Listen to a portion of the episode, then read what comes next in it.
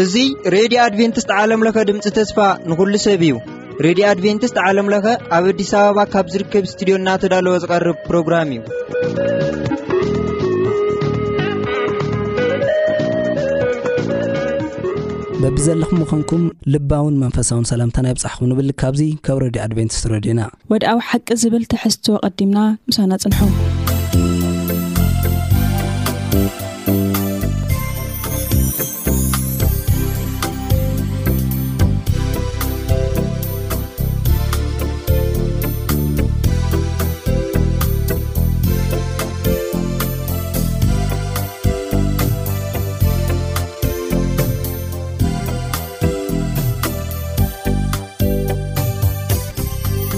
ሰላም ከመይ ቀኒኹም ክቡራት ተኸታተልቲ መደባትና እዚ መደብ እዚ መደብ ውድዓዊ ሓቂ እዩ እዚ መደብ እዚ ሒዝናልኩም ዝቐረብና ኣነ ሳሌም ነጋሲ ምስ ሓወይ ኣማን ፍሳሃየ ብምዃን እዩ እዚ ሕጂ በፂሕናዮ ዘለና ክፋል ሻምናይ ትምህርቲ ብጽድቂ ንምንባር ዘኽእል ጥበብ ብዝብል ኣርእስቲ ክንዘራረብ ኢና። ቅድሚ ናብቲ መደባት ምእታውና ከኣ ሓውና ኣማን ጸሎት ክገብረልና እዩ።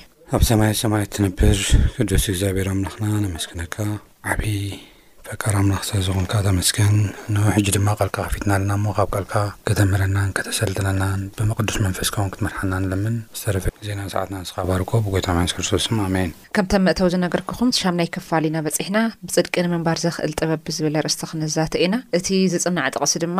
ጥበበኛ ልቢ ምእንቲ ክንረክብሲ መዓልትታትና ከነቖጽር ምሃረና ዝብል መዝሙረ ዳዊት ቴስዓ ፍቕዲ ዓሰርተ ክልተ እዩ ዝኸውን እቲ ጥቕሲ። ከምቲ ኣብ መእተዊ ዝተናገሮ ከምቲ ድሮ ዝረኣናዮ ጸጋ እግዚኣብሔር ነቲ ዝተናዘዝናዮ ሓጢኣት ይቕረ ብምባል ሓድሽ ልቢ ብምሃብ፣ ብእምነት ክንነብር እዩ ዘኽእለና፣ ከምኡውን ቃል እግዚኣብሔር ብጽድቂ ናይ ምንባር ጥበብ የምህር እዩ። ንትእዛዛት እግዚኣብሔር ምሕላው ማለት ናይ ሕጋውነት ድርቅና ዘይኮነስ ምስ እግዚኣብሔር ዝህልወና ጥቡቕ ዝምድና ዝገልጽ ሰናይ ነገር እዩ። ኮይኑ ግና ናይቲ ጻዲቕ መነባብሮ ፈተና ኣልቦ እዩ ማለት ኣይኮነን። ከመይሲ ሓደ ሓደ እዋን በቲ ናይ ሓጢኣት ምትላል ክፍተንን ክወድቕ ይኽእል እዩ። እግዚኣብሔር ነቲ ደቁ ምእዛዝ ዘይምእዛዝ መታን ክገሃዱ ኢሉ ፈተና ይፈቅድ እዩ። ደቂ እግዚኣብሔር ብውነ እንተ ኣዳሚጸምዎ ንኹሉ መምርሒታቱ ተኸታቲሎም ከጽንዑ ብጎይታ ከጠንክሩ ይኽእሉ እዮም። እቲ ብጽድቂ ናይ ምንባር ጥበብ ክረክብ ዝኽእል ምስ ፈተና፣ ብድሆታት፣ ተጋጢምካ ምስናፍ እዩ። ስለዚ እምበኣር ነቲ ጥበበኛ ልቢ ምእንቲ ክንረክብስ መዓልቲታትና ክንቆጽር ምሃረና ዝብል መዝሙር ቴስዓ ፍቕዲ ዓሰርተ ክልተ ጸሎት ብንቕሓት ምስትውዓል መታን ክንንቀሳቕስ ትርጉም ይህልዎ ማለት እዩ ብዝብል ከመይ ጌርና ብጽድቂ ክንነብር ከም እንኽእል ብጽድቂ ንምንባር ዘኽእለና ጥበብስ ከመይ ጌርና ኢና ዝብል ኢና ክነዛተ ኣብዚ ናይ ሎሚ ሰሙን ሓሳባትና ማለት እዩ። ሰለዚ ብጽድቂ እንነብረሉ መንገዲ ነዚ ሰሙን ዝጽንዑ ጥቕስታት ኣብ መዝሙር ሚእትን ዓሰርተ ትሽዓተን ብምሉኡ እንኤኩም ካብ ሓደ ክስካዕ ዓሰርተ ሽዱሽተ፣ መዝሙር ቴስዓ፣ ዮሃንስ ሰለስተ ዓሰርተ ሽዱሽተ፣ መዝሙር ቴስዓን ሓሙሽተን ካብ ሸውዓተ ክስካብ ዓሰርተ ሓደ ከምኡ ድማ መዝሙር ሚእትን ኣርብዓን ሓደን ሚእትን ዕስራን ሸሞንተን ከኣ ንለኩም። ኣብ ዝቕጽል ሓሳብ ክንኣቱ ከለና ንቓልካ ኣብ ልበይ ሓባእክዎ። ዝብል እዚ ዘማሪ ዳዊት ሓሳቡ ክገልጽ ከንርኢ ኢና። ብኸመይ እዩ ንትእዛዛት እግዚኣብሄር ክሕልዎ፣ እንሕልዎን እንኽእል ዝብል ሓውና ኣማን ሓሳብ ከገልጸልና እዩ። ቅድም ኢልኪ ከምቲ እናገለጽክዮ ዝጸናሕኺ ኣብ መዝሙር ዳዊት ምዕራፍ ሚእትን ዓሰርተ ትሽዓተን ካብ ሓደ ክሳብ ዓሰርተ ሽዱሽተ ኬድና ኣብ ንርእየሉ እዋን ጎበዝ ንመንገዱ ብምንታይ የንጽሃ ዝብል ሓሳብ ዘሪኦ መንገዲ ኣሎ። እንድያም ኣብ መዝሙር ዳዊት ምዕራፍ ሚእትን ዓሰርተ ትሽዓተን ፍቕዲ ትሽዓተሲ ጎበዝ ንመንገዱ ብምንታይ የንጽሃ ከም ቃልካ ነፍሱ ብምጥንቃቕ እዩ። ጎበዝ ንመንገዱ ከንጽሃ ዝኽእል ትእዛዝ ኣምላኽ ብምሕላው እዩ። ቃል ኣምላኽ ብምሕላው እዩ እዩ ዝብል ኣብዚ መጽሓፍኩም እስኪ እና ንርእየሉ እዋን ቃል ኣምላኽ ኣብ ንሕልወሉ እዋን መንገድና ትቐንዕ መንገድና ድማ ይነጽህ ጥራሕ ዘይኮነ ብዙሕ በረኸት ሰላም ሓጎስ ከም ንረክብ ውን መጽሓፍ ቅዱስ ይዛረብ እዩ። እንታይ ይብል ብመንገዶም ፍጹማት ዝኾኑ ብሕጊ እግዚኣብሄር ዝመላለሱ ብፁዓን እዮም ወይ ድማ ሕጉሳት እዮም ድማ ይብል ማለት እዩ ስለዚ እግዚኣብሄር ኣምላኽ ኣባና ብመንፈሱ ክሰርሕ ዝኽእል ከም ፍቓዱ ክንነብር ክንውስንን ክንመርጽን ከምኡውን ክንመላለስን ከለና እዩ እምበር መንፈስ ኣምላኽ ብገዛእ ርእስና ብገዛእ መንገድና እናኸድና ኣባና ክሰርሕ ኣይክእልን እዩ ቅድም ኢለ ከምቲ ዝበልክዎ ብዙሕ ሰላም ኣሎዎም ሕጊ ኣምላኽ ዝሕልዉ ትእዛዛት ኣምላኽ ዝሕልዉ ብጣዕሚ ሰላም ኣሎዎም ኢሉ መጽሓፍ ቅዱስ ይዛረብ እዩ። እንድያም ኣብ መዝሙር ዳዊት ምዕራፍ ሚእትን ዓሰርተ ትሽዓተን ኣብቲ ዘለናዮ ምዕራፍ ፍቕዲ ሚእትን ስሳን ሓሙሽተን ኬድና ኣብ ንርእየሉ እዋን ሓደ ብጣዕሚ ዓብዪ ጥቕሲ ኣሎ። እንታይ ይብል? እቶም ሕግኻ ዘፍቅሩ ብዙሕ ሰላም ኣሎዎም፣ ብዙሕ ሰላም ኣሎዎም፣ ዝዕንቅፎም እውን የለን ይብል። ስለዚ እቶም ሕጊ እግዚኣብሄር ዝሕልዉ፣ እቶም ፍቓድ ኣምላኽ ዝሕልዉ ብዙሕ ሰላም ከም ዘሎዎም፣ ብዙሕ በረኸት ከም ዝረኽቡ እዩ ዝነግረና። ናይዚ መንገዲ ንምንታይ እዩ? ንምንታይ ዝዕንቅፎም ዘየለ? ዝዕንቅፎም የለን ክብል ከሎ ኣብ መዝሙር ዳዊት ምዕራፍ ሚእትን ዓሰርተ ትሽዓተን ሕጂውን ሚእትን ሓሙሽተን ክንርኢ ከለና ቃልካ እግረይ መብራህቲ ንመንገደይ ድማ ብርሃን ይብሎ።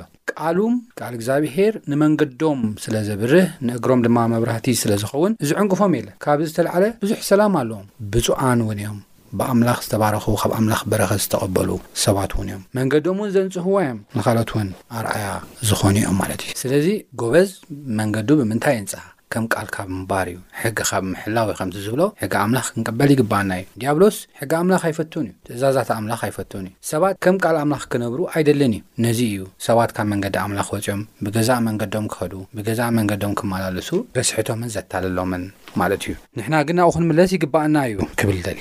ኣብ ናይ ዝቕጽል ሓሳብ ክንርኢ ከለና ቃሉ ኣምላኽ ኣብ ልቦም ምስ ሓወእዎ እዮም ነቲ ጥበብ ኣምላኽ ብደንብ ጌሮም ክርድእዎ ዝኽእሉ ምኽንያቱ ቃሉ እንታይ እዩ ብርሃንን መብራህትን እዩ ዘማሪ ዳዊት እንታይ ይብል ኣብዚ ብኣርከስ ዘመናትይ ሓጺር ካብ ምዃኑ ዝተልዓለ ከምቲ ከም እንፋሎት ወይ ደሞ ከምዚ ከም ማይ ዝተንን ዓይነት እዩ ህይወተይ ስለዚ ኣብዚ ቦታታት እዚ ኮይነ ኣብታ ከምዛ ትተንን ህይወት ሒዘ ዝነብረላ ዓለም ብጥበብ ክመላለስ ሓግዘኒ ዓይነት እዩ። ናይ ምሕጸንታ ዝርርብ እዩ እና ንመዓልትታትና ከነቖጽር ምሃረና ምኽንያቱ ከምዚ ከምዚ እንተ ኮይኑ ህይወትና እዚ ኩሉ ብሰናይን ብጽቡቕ ነገርን ክንሓልፍ እዩ ዝነግረና እና ኣብ መዝሙር ቴስዓ ፍቕድ ኣርባዕተ እንታይ ይብል ኣብ ናይ ሶኒ ክፍልና እንታይ ይብል ሲ ካብ ምዕራብ ቁጽሪ ሓደ ክጅምር ከሎ ኦጎይታይ ንውሉድ ወለዶ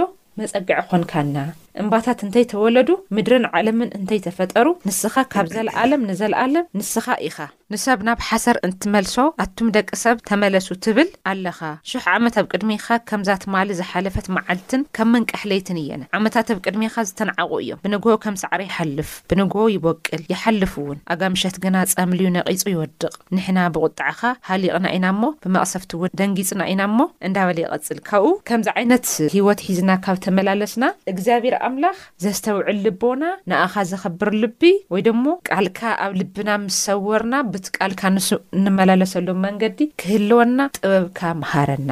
ዓመታት፣ ዕለታት፣ ደቂቓት ሽምካን ክብርኻን ጥራሕ እንዳነገርና ክንነብር ይብል እቲ ዘማሪ ማለት እዩ። ኣብ'ዚ እንታይ ይብል'ሲ፣ ምስ'ቲ መለኮታዊ ግዜ ክረኣ ከሎ፣ ዕድመ ሰብ ከም ዘመን ትኪ እዩ ይብሎ እቲ ዘማሪ። እቶም ኣብ ማእከል ሰባት ዝበርትዑ፣ ኣብ ቅድሚ እቶም ዝሓመቑ እዮም። ኰይኑ ግና፣ እዛ ሓጺር እዋን ብስራሕ መከራ ዝተመልአት እያ። እቶም ዓለማውያን ሰባት እውን ምስ'ታ ምስ ዘለኣለማዊ ክትነጻጸር ከላ ኣዝያ ሓጻር ዝዀነት ህይወት ወዲ ሰብ ብፍላይ ድማ ዘለኣለም፣ ብዘይካ'ቶም ከም ዝነብር ምስ ኣስተውዓሉ የዕዘምዝሙ እዮም። መዝሙር ቴስዓ ነቲ ግምታት ደቂ ሰባት ምስቲ እግዚኣብሔር ከም ፈጣሪ ንደቂ ሰባት ዘለዎ ሓልዮት፣ እግዚኣብሔር ንህዝቡ ንወሉድ ወለዶታት መንበሪ ጸግዒ ኮይኑ ከም ዝሓለፈ፣ እቲ ሞኣን ዝብል ናይ እብራይስጥ መንበሪ ቦታ መጸግዒ ተተርጒሙ ዘሎ እግዚኣብሔር ንህዝቡ መዕቆብን መጽለልን ከም ዝኾነ ወይ ደሞ ዘማሪ ጽንዓት ቍጥዓኻ መን ይፈልጥ? ክብል እንከሎ ንርኢ ብማለት ዛጊት ማንም ንቝጥዐ እግዚኣብሔር ኣንጻር ንምንባር ጊዜ ከም ዘለዎ እዩ ዝናገር። ኣብ መጽሓፍ ቅዱስ ጥበብ ክበሃል ከሎ ኣእምሮ ክእለት ዘይኮነስ ፈሪሃ እግዚኣብሔር እዩ ይብለና። ስለዚ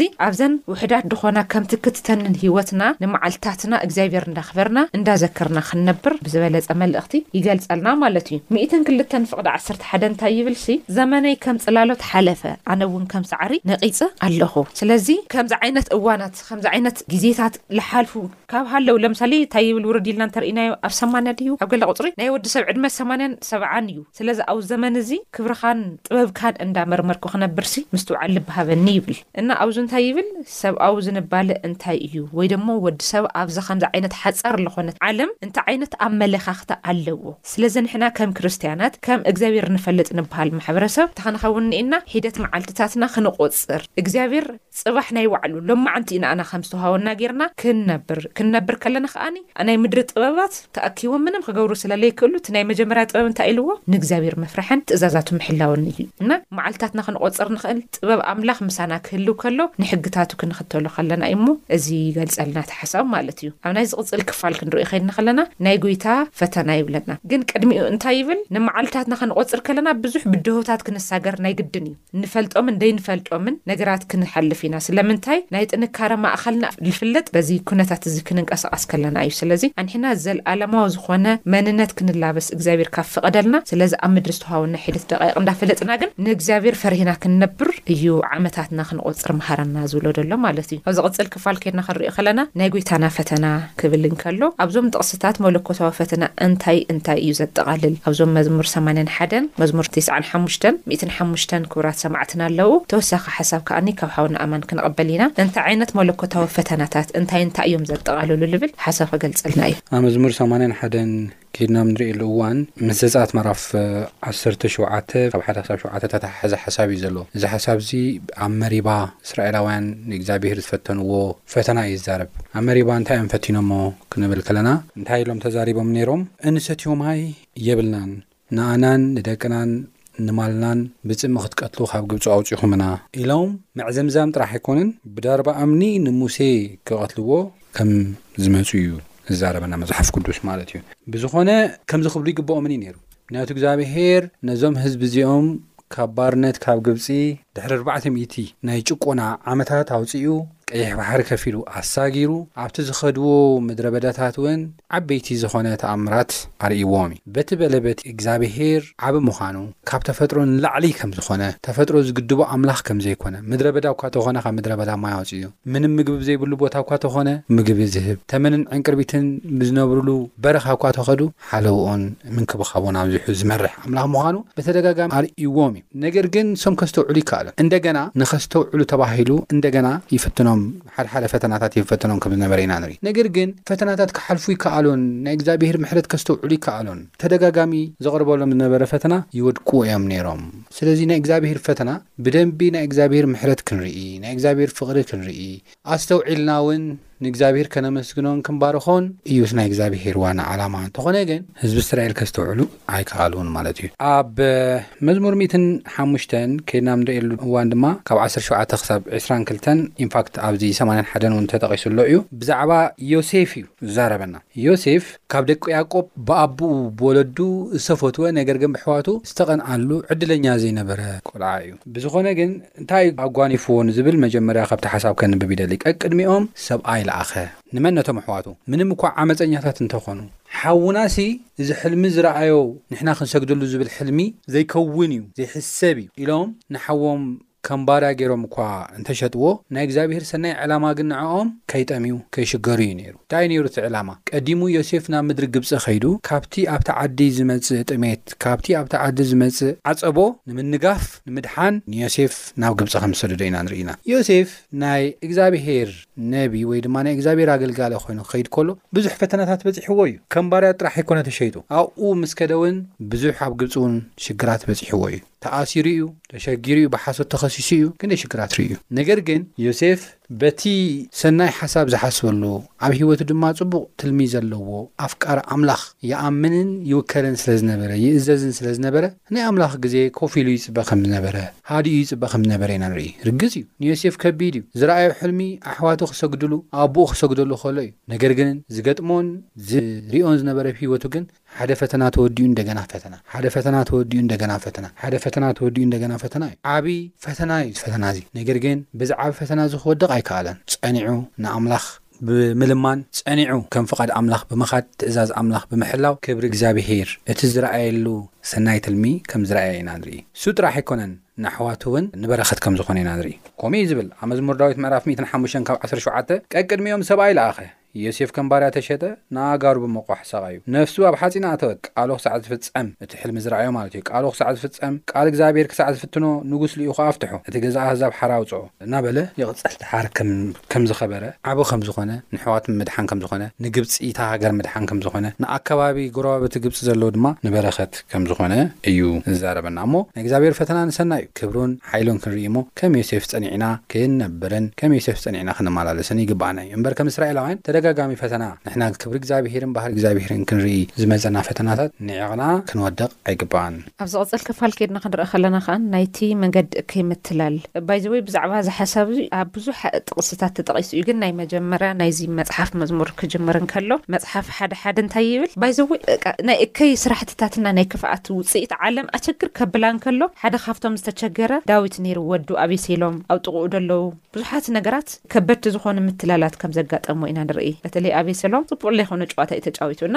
ንምንታይ እዩ ብዛዕባ ምትላል ጸሎት ጸልዩ ልብል መዝሙር መጽሓፍ ምዕራፍ ሓደ ፍቕዲ ሓደ ብምኽሪ ክፉኣት ዘይከደ፣ ኣብ መንገዲ ሓጢኣን ከኣ ዘይቆመ፣ ኣብ መንበር መላገጽቲ ድማ ዘይተቐመጠ ብጹእ እዩ። እኳ ደኣ ብሕጊ እግዚኣብሔር ይሕጐስ፣ ነቲ ሕጊውን ለይትን መዓልትን የስተንትኖ። ንሱ ኣብ ወሰን ወሓዚ ማይ ከም ዝተተኸለት፣ በብእዋኑ ፍሬኣ ከም እትህብ፣ ቈጽላውን ከም ማይ ዘይረግፍ ኦም ይኸውን። ኩሉ ዝገብሮ እውን ይሰልጠሉ። እቶም ክፉኣት ግና እቶም ክፉኣት ግና ከምዚ ኣይኮኑን፣ ንሳቶም ከምቲ ንፋስ ጸሪጉ ዝወስዶ በነንታ እዮም። ስለዚ ክፍኣት ብፍርዲ፣ ሓጥኣን እውን ካብ ማሕበር ጻድቃን ኣይቆሙን እዮም። እግዚኣብሄር መንገዲ ጻድቃን ይፈልጦ እዩ እሞ፣ መንገዲ ክፍኣት ግና ኽትጠፍእ እያ ይብል። ኣብ ኣብ ሚእትን ነርብዓን ሓደን ካርኪና ክንርኢ ከለና፣ ኦ ጐይታይ ንኣባኻ ይእዊ ኣሎኹ ምስ በለ፣ ክእዊ እንተለኹ ቃለይ፣ ልመናይ ኣድምጽ፣ ኦ ጐይታይ ንኣፌ ሓላዊ ግበር፣ ማዕጾ ከናፍረይ ከኣ ሓሉ።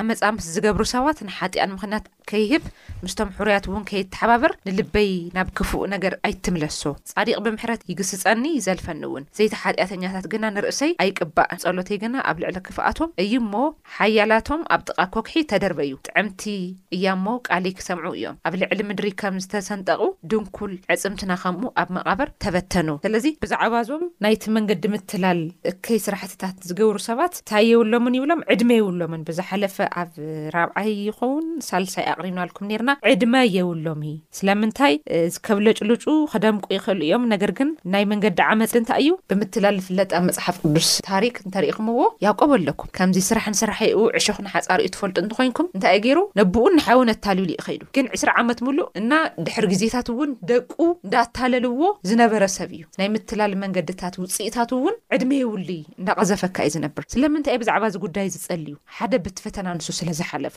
ብዙሓት ኣብ ጎኑ ኮነ ኣብ ዝተፈላለዩ ብተንኮል ተጸሚዱ ይሽገር ነይሩ። ብጣዕሚ ናይ መጨረሻ ቁኑዕ ከም ዝነበረ ግን ዘይክእሎም እኩያት ዝኾኑ ተንኮላት ኽፍኣታት ግን ዘይክእሎም ነገራት ከም ዘሕለፈ ከም ዝተፈተነ የርእየና። እቲ ኣብ ዓርስኻ ምግታእ ኣሸጋሪ ዝኾነ ኣሸጋሪ ነገር ንኸናፍርካ ምቁጽጻር እዩ። ለምሳሌ ታይ ይብል ሚእትን ኣርብዓን ሓደን? ኦው ጎይታይ ይብሎ ንኣፌ ሓላው ግበር። ማዕጾ ከናፍረይ ሓሉ ስለምንታይ ሰብሲ ኣብ ኣፉ ሂወትን ሞትን ዝሓዘ እዩ ስለዚ እዞም ሰባት እዚኦም ከታልሉ ይክእሉ እዮም እከይ ክገብሩ ይክእሉ እዮም ግን ዕድመ ደለዎም ኣይብሎም እዩ ዳዊት ናይዚ ውጽኢት እዚ ምስ ረኣየ ዕድመ ስለለይብሎም ምንም ነገር ክገብሩ ስለለይክእሉ ስለልረኣየ እንታይ ይብል እዛ ጸሎት ንሳ ጸልይዋ ፍቅዲ ሰለስተ ደላ ኦጎይታይ ንኣፈይ ሓላዊ ግበር ማዕጾ ከናፍረይ ከኣ ሓሉ ክብል ንሪኦ ማለት እዩ። ስለምንታይ እዩ? ሞትን ህይወት ኣብ ኣፉ ስለ ልሓዘ ማለት እዩ። እቲ ፈተና ድማ እቲ ኣማኒ ናይቶም ጻድቃን ምኽሪ ድዩ ዝሰምዕ ወይ ከኣ ምስቶም እኩያት ክዕንድር ዝውስን መማረጺ እዩ። እቲ ናይ እውነት ኩናት ኣብኡ ስለ ዝካየድ እቲ ዘማሪ ንልቡ እዩ ክጥንቀቕ ከም ዝግብኦ ዝኣመነ። ንደቂ እግዚኣብሔር ካብ ፈተና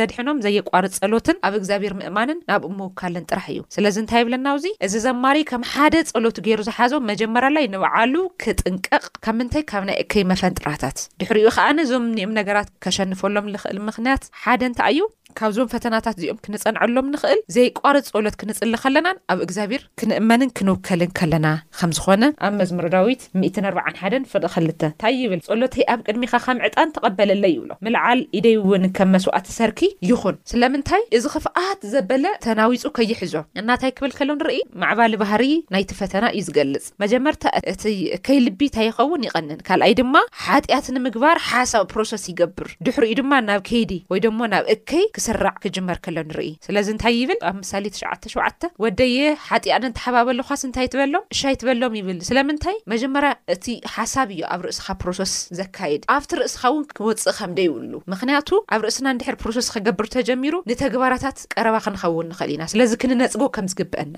ክንነጽጎ ከለና ከኣ ብጸሎት ኢና ክንነጽጎ ዝግበእና ድብል ይነግረና ማለት። ስለዚ ካብ ኣብ መወዳእታ ድማ ምስቶም መላገጽቲ ክንቕመጥ ኣይግበእናን። ንሕና ከምዞም ሓጢኣተኛታት ረሲኣን መላገጽቲ እውን ክንኸውን ኣይተጸዋዕናን። ድሕሪኡ ከኣ ክንጥንቀቕ እዩ ዝግበእና። መጽሓፍ መዝሙር ፈተና ሕልኽልኽ ብብዙሕ መፈጥራታት ዝሓለፈ ብዙሓት ጽሑፋት ዝተጻሕፉ ሓደ ክፋል ኮይኑ ነገር ግን ንዘመናትና ባህርያትና ዝፍትኑና ነገራት ክመጹ እንከለዉ ሓደ ክንቐበሎ ለይብልና ኣብ ርእስና ከነቐምጦ ኣይብልናይ ናይቲ እከይ መገዲ ጠቕላላ ክንነጽጎ ክንኽእል ከም ዘለና ተለይኮነ ግን እዚ ዘልዐልናዮ ሓሳብ ባዕሉ መጻወድያ ኮይኑ ክቐትለና ከም ዝኽእል ይነግረና ስለዚ መዓልትታትና ክንቑጽር እንኽእል ካብ መገዲ ክፍኣት ካብ መገዲ ረሲኣን ካብ ዘይምልከተና ቦታ ተርሒቕና ጥራሕ እዩ እና ብዚ መንገዲ እዚ ካብ እከይን ካብ ምትላልን ክንርሕቅ ከም ዝግበእና። እዞም ነገራት እዚኦም ነሸንፎም ግን ብርቱዕ ዝኾነ ጸሎትን ኣብ እግዚኣብሔር ምእማንን ምውካልን እዩ። ብብዙሕ ከምዚ ዓይነት ፈተና ትሓልፉ እሕዋት ወገናት እንተድኣ ሃሊኹም ማሕበረሰቡ ዘለኹሞ ከባቢ እንዳታለለኩም ብብዙሕ ልተፈላለዩ ስርዓታት እንዳበልኩም ትኸዱ ኣለኹም እንተድኣ ኮይንኩም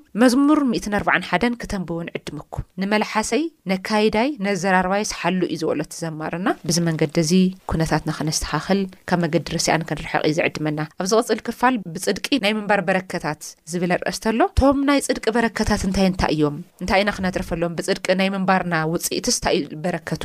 ብዙሓት ናይ መጽሓፍ ቅዱስ ምስክራት እውን ኣለዉ። እንታይ እንታይ ኣትሪፎም ንሕና ከ እንታይ እንታይ ኢና ክነትርፍ እንብል? ሓውና ኣማን ሓሳብ ክገልጸልና እዩ። ኣብ መዝሙር ዳዊት ምዕራፍ ሓደ ቁጽሪ ሓደ ክሳብ ሰለስተ ዘለዉ ሕጂ እናልዓልክዮ ዝነበርኪ ሓሳብ ኣሎ።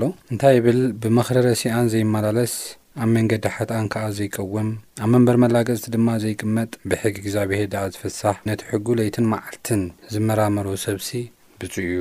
ንሱ ከምታ ፍሬኣ በብጊዜኣ እትህብ፣ ቆጽላ ኸኣ ዘይረግፍ፣ ኣብ ወሰን ወሓዚ ማይ እተተኽለት ኦም ይኸውን፣ ዚገብሮ ዅሉውን። ይሰልጦ ይብለና። ሕጂ፣ ዝተቐደሰ ህይወት ማለት እንታይ ማለት እዩ? ክንብል ከለና ዝተቐደሰ ሕይወት ቅድም ኢለ ከም ዘንበብክዎ ኣብ መዝሙር ሓደ ካብ ፍቕዲ ሓደ ጀሚሩ ክሳብ ሰለስተ ዘንበብክዎ እዩ። ዝተቐደሰ ሕይወት ብምኽሪ ረሲኣን ዘይምምልላስ እዩ። ዝተቐደሰ ሕይወት ኣብ መንገዲ ሓጥኣን ዘይምቛም እዩ። ዝተቐደሰ ሕይወት ኣብ መንበር መላገጽቲ ዘይምቕማጥ እዩ። ብሕጊ እግዚኣብሔር ደስ ምባል እዩ፣ ምፍሳህ እዩ። ዝተቐደሰ ሕይወት ነቲ ሕጉ ለይትን መዓልትን ምስትንታን እዩ። ዝተቐደሰ ሕይወት ኣብ ፍቕሪ ኣምላኽ ምጽናዕ እዩ። እዚ እዩ ዝተቐደሰ ሕይወት። ስለዚ ሓድሓደ ዝተቐደሰ ህይወት ክበሃል ከሎ ፈሪሳይን ዓይነት ህይወት ገይሮም ዝርእይዎ ሰባት ኣለዉ። ፈሪሳይን እንታይ እዮም ዝገብሩ ነይሮም?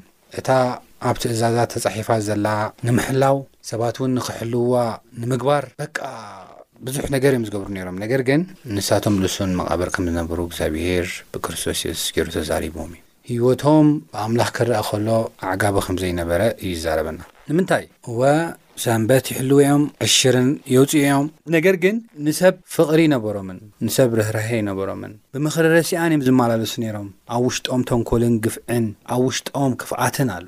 በዚ መልክዕ'ዚ እዚ ኢየሱስ ክርስቶስ ኣቱም ልሱናት መቓብር ኢሉ ኣብ ማቴዎስ ምዕራፍ ዕስራን ሰለስተን ከም እተዛረቦም ኢና ንርእዮ ማለት እዩ። ስለዚ ዝተቐደሰ ሕይወት ዝተቐደሰ ሕይወት ክንብል ከለና እዛ ዘንበብኩዋ እያ ብምኽሪ ረሲኣን ዘይምምላሳ መንገዲ ሓጥኣን ዘይምቛን ኣብ መንበር መላግስቲ ዘይምቕማጥ ብሕጊ እግዚኣብሔር ምፍሳህ ነቲ ሕጉ ለይትን መዓልትን ምስትንታን ንሓውካ ንብጻይካ ምፍቃር ከምቲ ክርስቶስ ገይሩ ዘፍቀረካ ምፍቃር እዚ እዩ ዝተቐደሰ ሕይወት ማለት እዩ። እንታይ እዩ እቲ በረኸት ዝረኽቦ ክንብል ከለና ኣብኡ ገሊጽዎ ኣሎ። እቲ በረኸት ዝረኽቦ እቲ ቀዳማይ እንታይ እዩ ክንብል ከለና፣ ንሱ ከምታ ፍሪኣ በብግዜኣ እትህብ ቆጽላ ዘይረግፍ ኣብ ወሰን ወሓዚ ማይ እተተኽለት ኦም እዩ ዝኸውን፣ ዝገብሮ ኩሉውን ይሰልጦ። ሓጢኣተኛታት ከምኡ ኣይኮኑን ይብል። ረሲኣን ከምኡ ኣይኮኑን፣ ከምቲ ንፋስ ዝፍትኖ ቡቕቡቕ እዮም እምበር ከምኡ ኣይኮኑን ይብለና ኣብ ቁጽሪ ኣርባዕተ ከይድና ንርእዮ። ጻድቃን ግን ኩሉ ግዜ ፍሪኣ ከም እትህብ፣ ለምሊማ ከም እትነብር ልምዕቲ ዛፍ እዮም ማለት እዩ። ንሱ ጥራሕ ኣይኮነን፣ ቅድም ኢልና ኣብ ዝሓለፈ ዝረኣናዮ፣ ብቕድስና ዝመላለሱ፣ ከም ፍቓድ ኣምላኽ ዝመላለሱ ሰባት፣ ሰላሞም ብዙሕ ከም ዝኾነ፣ ማንም ዝዕንቅፎም እውን ከም ዘየለ ርኢና ኢና። ካብ እግዚኣብሄር በረኸት ከም ዝቕበሉ ርኢና ኢና እሞ እዝን ካልኦት በረኸታትን ኣለዎም ማለት እዩ። ኣብዚ ናይ መጨረሻ ሓሳብ እንታይ ይብል? ብጽድቂ ናይ ምንባር በረኸታት እንታይ ዓይነት ትርፍታት ኣለዎ ልብል? ኣብ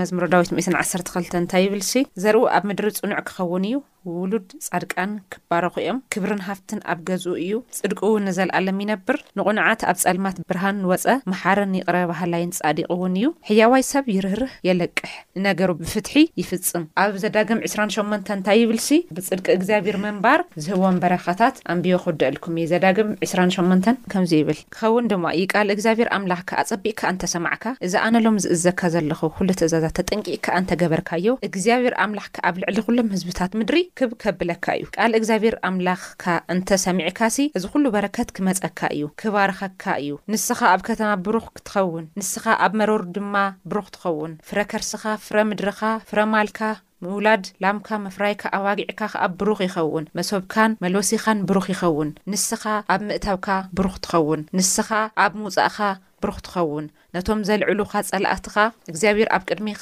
ተስዓርቲ ይገብሮም። ብሓንቲ መንገዲ ይወጹኻ፣ ኣብ ቅድሜኻ ድማ ብሸውዓተ መንገዲ ይሃድሙ። እግዚኣብሄር ኣብ ቆፎኻ፣ ኣብ ኩሉ ተግባር ኢድካ በረኸት ይእዝዘልካ።